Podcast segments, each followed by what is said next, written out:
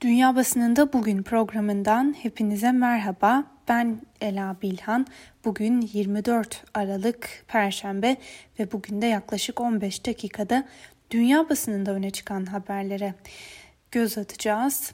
Rutin bültenimize başlamadan önce şunu da ekleyelim. Genel yayın yönetmenimiz Can Dündar dün sonuçlanan MİT davasında casusluk ve terör örgütüne yardım suçlarından 27 yıl 6 ay hapis cezasına çarptırıldı ve dünya basınında bu karar hakkında verilen e, yayınlanan haberlere de bakınca anlıyoruz ki Erdoğan hükümetinin üstünü örtmek için çabaladığı bu dava tüm dünya tarafından böylece bir kez daha duyulmuş oldu.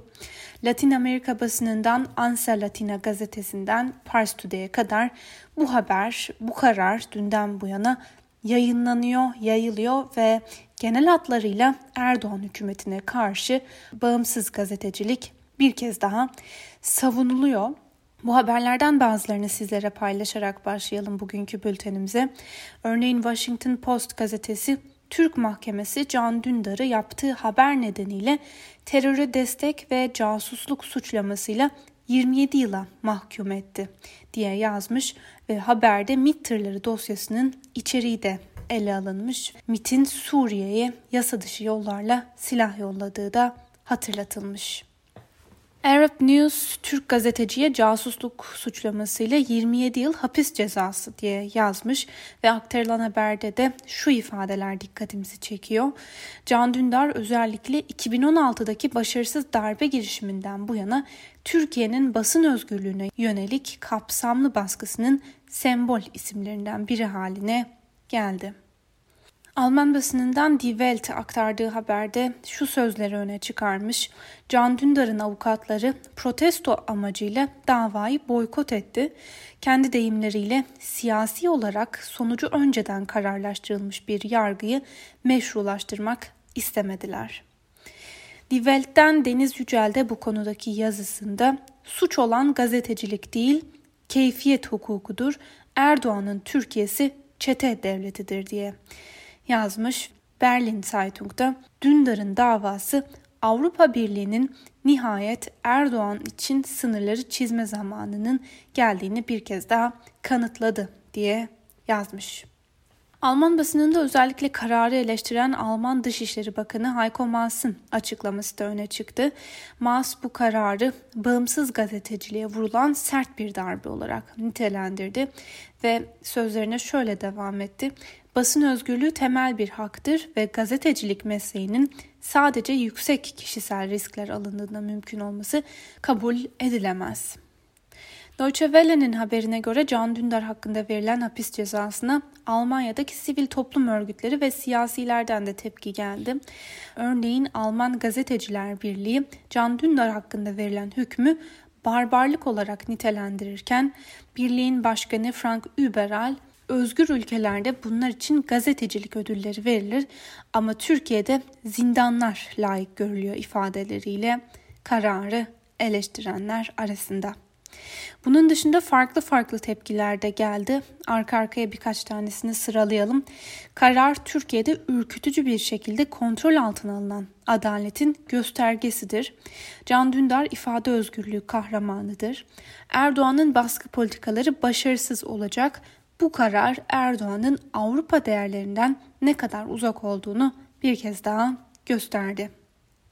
Genel yayın yönetmenimiz Can Dündar hakkında verilen 27 yıl 6 aylık hapis cezasının dünya basınındaki yankılama, yankılarına göz attık. Bu haberlerin ardından bültenimize Amerikan basınıyla devam edelim.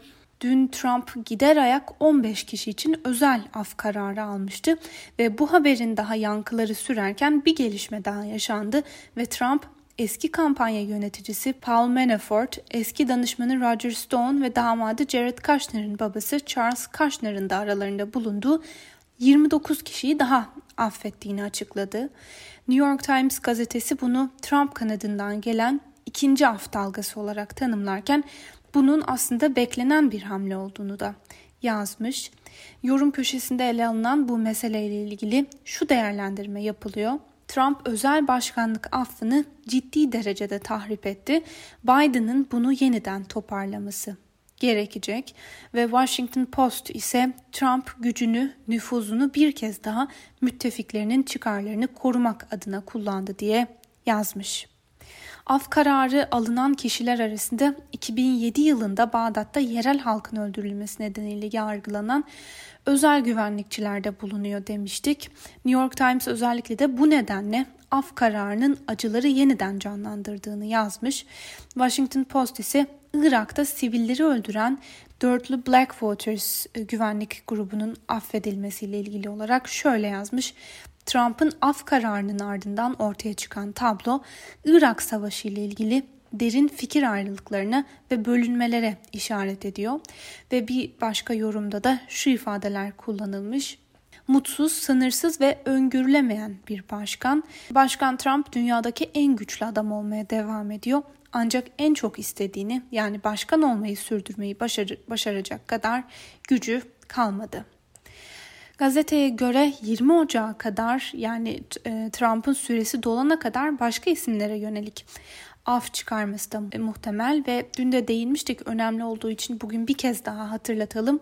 New York Times gazetesi Trump'ın daha önce görülmemiş bir adım atarak görevden ayrılmadan önce kendisi hakkında ileride açılabilecek soruşturmalarla ilgili olarak kendisine de af çıkartabileceğini iddia etmişti ve böyle bir gelişmeye de ilerleyen günlerde şahit olmamız muhtemel diyelim ve sıradaki haberimize geçelim.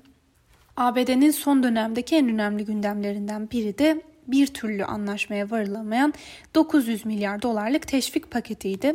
Ancak son olarak pazar gecesi bir anlaşmaya varıldı. Ancak Amerikan basınına göre demokratlar Joe Biden'ın 20 Ocak'ta göreve gelmesiyle yeni teşvik paketlerinin gündeme geleceğini e, umuyorlar. Öbür taraftan beklenildiğinin aksine Trump onayına sunulan teşvik paketi için utanç verici yorumunu yaptı ve 900 milyar dolarlık yardım paketinin değiştirilmesini istedi. New York Times'a göre Trump'ın bu yardım paketine yönelik saldırısı yeniden ayağa kalkma potansiyelini tehdit ettiği gibi Cumhuriyetçiler arasında da bir bölünmeye yol açtı. Herhangi bir yardım paketi olmadan işsizlik ödemelerinin sona ermesi de muhtemel. Washington Post'un yorum köşesinde ise bu konuyla ilgili şu sözler yer alıyor. Trump'ın son dakika hamlesi veya outburst kelimesi kullanıldığı için e, belki kazığı diye çevirebiliriz. Trump'ın son dakika kazığı salgınla mücadele çabalarını kaosa sürüklerken yardım paketini de tehlikeye attı. Kongre ile Trump arasındaki bu anlaşmazlık 600 dolarlık doğrudan ödemeler dahil yardımların milyonlarca Amerikalıya ne zaman ulaşacağına dair şüphe uyandırıyor. Voice of America'nın bugünkü haberine göre yardım paketinin Trump tarafından imzalanmaması halinde federal dairelere bütçe akışının kesilmesiyle hükümetin kapanması ihtimali gündeme gelecek. Trump'ın yardım paketini geciktirme riski taşıyan bu yaklaşımının Georgia'da yapılması planlanan ve Cumhuriyetçilerin Senato'da çoğunluğu ellerinde tutmaları açısından kritik önem taşıyan ikinci tur seçimlerinin sonuçlarını da etkileyebileceği yorumları yapılıyor. Ve Amerikan basınında öne çıkan bir diğer haber ise Başkan Donald Trump aralarında Türkiye'ye yönelik yaptırımları da kapsayan 740 milyar dolarlık savunma bütçesi yasa tasarısını veto etti. Tasarı her iki partinin de güçlü desteğiyle kongreden geçmişti. Ancak danışmanlar Trump'ın başkanlığının sona ermesine birkaç hafta kala bu son vetonun muhtemelen kongre üyelerince geçersiz kılınacağını ve ikinci kez oylanacak tasarının bunun için yeterli çoğunluğu alacağını belirtiyor. Amerikan basınından aktardığımız bu haber ve yorumların ardından İngiltere'nin önemli gündemine de göz atalım. Biliyorsunuz İngiltere özellikle hafta sonundan bu yana mutasyona uğradığı tespit edilen koronavirüs nedeniyle alarma geçmiş durumdaydı. Fransa ise yeni koronavirüs mutasyonu nedeniyle İngiltere ile sınır kapısını kapatmış ve ardından iki ülkeyi bağlayan Manş Tüneli'nin giriş ve çıkışlarında kaos yaşanmaya başlanmıştı. Dün Fransa son olarak koronavirüs testi yaptıran ve sonucu negatif çıkan kamyon şoförlerinin sınırdan geçebileceğini açıklamış ve dün sabah itibariyle sınırlar tekrar açılmıştı. Dün İngiliz basınının gündeminde kilometrelerce uzunluktaki bu tır kuyrukları vardı ve BBC'nin haberine göre Almanya'nın Lufthansa havayolu İngiltere'nin kara gümrüğünde yaşanan kaos nedeniyle gıdasız kalmaması için 80 ton sebze ve meyve getirdi. The Independent'ın haberine göre İngiltere'deki hastanelerde koronavirüs yoğunluğunun ilk dalgayı aşması bekleniyor. Ancak bugün gazetelerin ilk sayfalarından anlıyoruz ki konu biraz bayatlamış ve Brexit görüşmeleri yeniden gündeme oturmuş. Avrupa Birliği ile İngiltere arasında çıkmaza giren Brexit sonrası ticaret anlaşması müzakerelerinde çözüm yolunun göründüğü belirtiliyor. Bloomberg'un haberine göre Avrupa Birliği ve Britanya arasında Brexit sonrası bir ticaret anlaşmasının taslak metni üzerinde uzlaşma sağlandı. Times gazetesinin manşetinde Avrupa Birliği ve Birleşik Krallık anlaşmalı Brexit ayrılığına çok yakın sözleri yer alıyor. Gazeteye göre taraflar İngiltere'nin ve Avrupa Birliği'nin 10 yıllar boyunca ilişkilerini tanımlayacak bir duyurunun eşiğindeler. The Eye gazetesi Avrupa Birliği ve Birleşik Krallık anlaşma imzalamaya çok yakın diye yazarken Guardian 10 numaradan gelen anlaşmaya çok yaklaştık sözlerini alıntılamış. Guardian ayrıca her iki tarafında son dakika avantajı elde etmek için sıkı bir mücadele verdiğini söylüyor ve gelişmeyi memnuniyetle karşılayan Daily Mail gazetesi de bir kelime oyunu yapmış ve Merry Christmas yerine Merry Brexmas diye yazmış. Alman basınının gündemlerinden biri korona önlemleri. Noel sürecinde temasların artabileceği endişesiyle hazırlıklarını tamamlayan Alman hükümeti Noel süreci içinde bazı ek önlemler aldı. Örneğin Die Welt'in haberine göre Noel'de kısıtlamaları ihlal edenler 25 bin euroya kadar ceza alabilecekler. Frankfurter Allgemeine Zeitung'un gündemdeki haberlerden birine göre dün salgın nedeniyle hayatını kaybeden kişi sayısı yeni bir rekor kırdı. Robert Koch Enstitüsü'nün verilerine göre Almanya'da son 24 saatte 32 binden fazla yeni te- vaka tespit edilirken 802 kişi de hayatını kaybetti. Fransız basınından Le Figaro dikkat çeken bir haber paylaşmış. Buna göre dünyada uzun süredir tartışılan koronavirüs aşı pasaportu son olarak Fransa'da da tartışmaları beraberinde getirdi. Fransa'da hükümetin sağlık üzerine hazırladığı yeni yasa tasarısıyla 1 Nisan 2021'den itibaren olağanüstü koşulların kaldırılması hedefleniyor. Ancak tasarıda bazı alanlara aşısız girilemeyeceğini aşı pasaportlarının kullanımına işaret eden maddeler yer alıyor ve bu nedenle tasarı mecliste tartışmalara neden oldu. Muhalefet partileri hükümetin aşıyı zorunlu kılmaya doğru gittiğini söylerken çeşitli partilerde hükümetin özgürlükleri kısıtlayıcı adımlara doğru yöneldiğini savunuyor. Salgının başında en ağır darbeyi alan ülkelerin başında gelen İtalya'da korona nedeniyle yakınlarını kaybeden insanlar hükümete karşı yasal bir süreç başlattı. Bu dava kapsamında İtalyan hükümetinden 100 milyon euro tazminat talep ediliyor. Mahkemeye Gideceğiz isimli 500 kişilik grubun hazırladığı raporda İtalyan hastanelerinin salgındaki tavrı hazırlıksız, kaotik ve yıpratıcı olarak tanımlanmış ve resmi yönlendirme yapılana kadar vakit geçtiği de belirtilmişti. Eurotopics'in bir haberine göre ilk korona aşısına koşullu ruhsat verilmesinin ardından Avrupa Birliği ülkeleri 27 Aralık'tan itibaren aşılamaya başlamayı hedefliyor.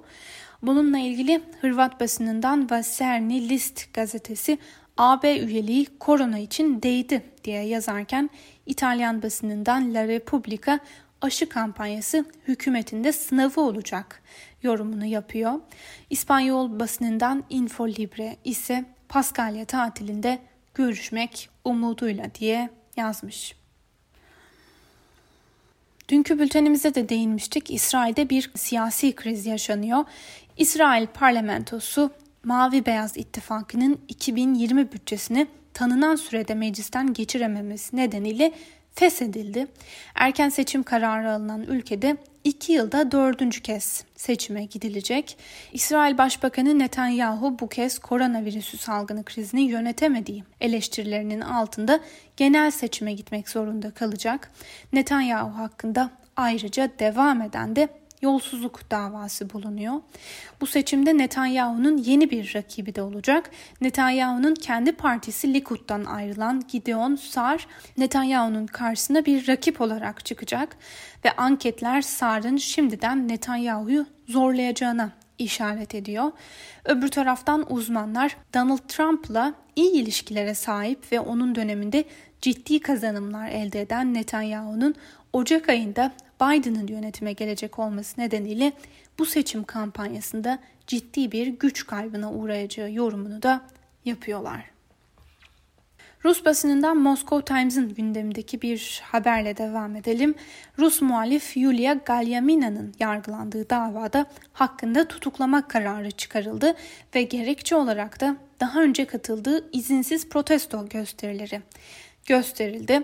Rus basınında çıkan haberlere göre Yulia Galyamina aslında Rus muhalif aktivist Alexei Navalny'nin kurduğu Yolsuzlukla Mücadele Fonu'nun avukatlarından biri ve Moscow Times'ın haberine göre Galyamina tutuklanma kararının ardından kendisinin Putin yönetimine doğrudan bir e, tehdit oluşturduğunun bir kanıtı olduğunu da söyledi.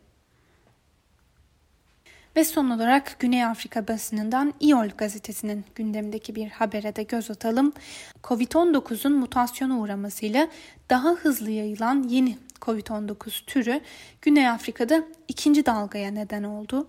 İlk bulgular bu türün daha hızlı yayıldığını ve ilk türün aksine gençleri daha fazla etkilediğini gösterdi. Bununla beraber ülkede günlük pozitif test oranı ise %26'ya kadar yükseldi. Sevgili Özgürüz Radyo dinleyicileri, Güney Afrika basınından aktardığımız bu haberle birlikte bugünkü programımızın da sonuna geldik. Yarın aynı saatte tekrar görüşmek dileğiyle. Şimdilik hoşçakalın.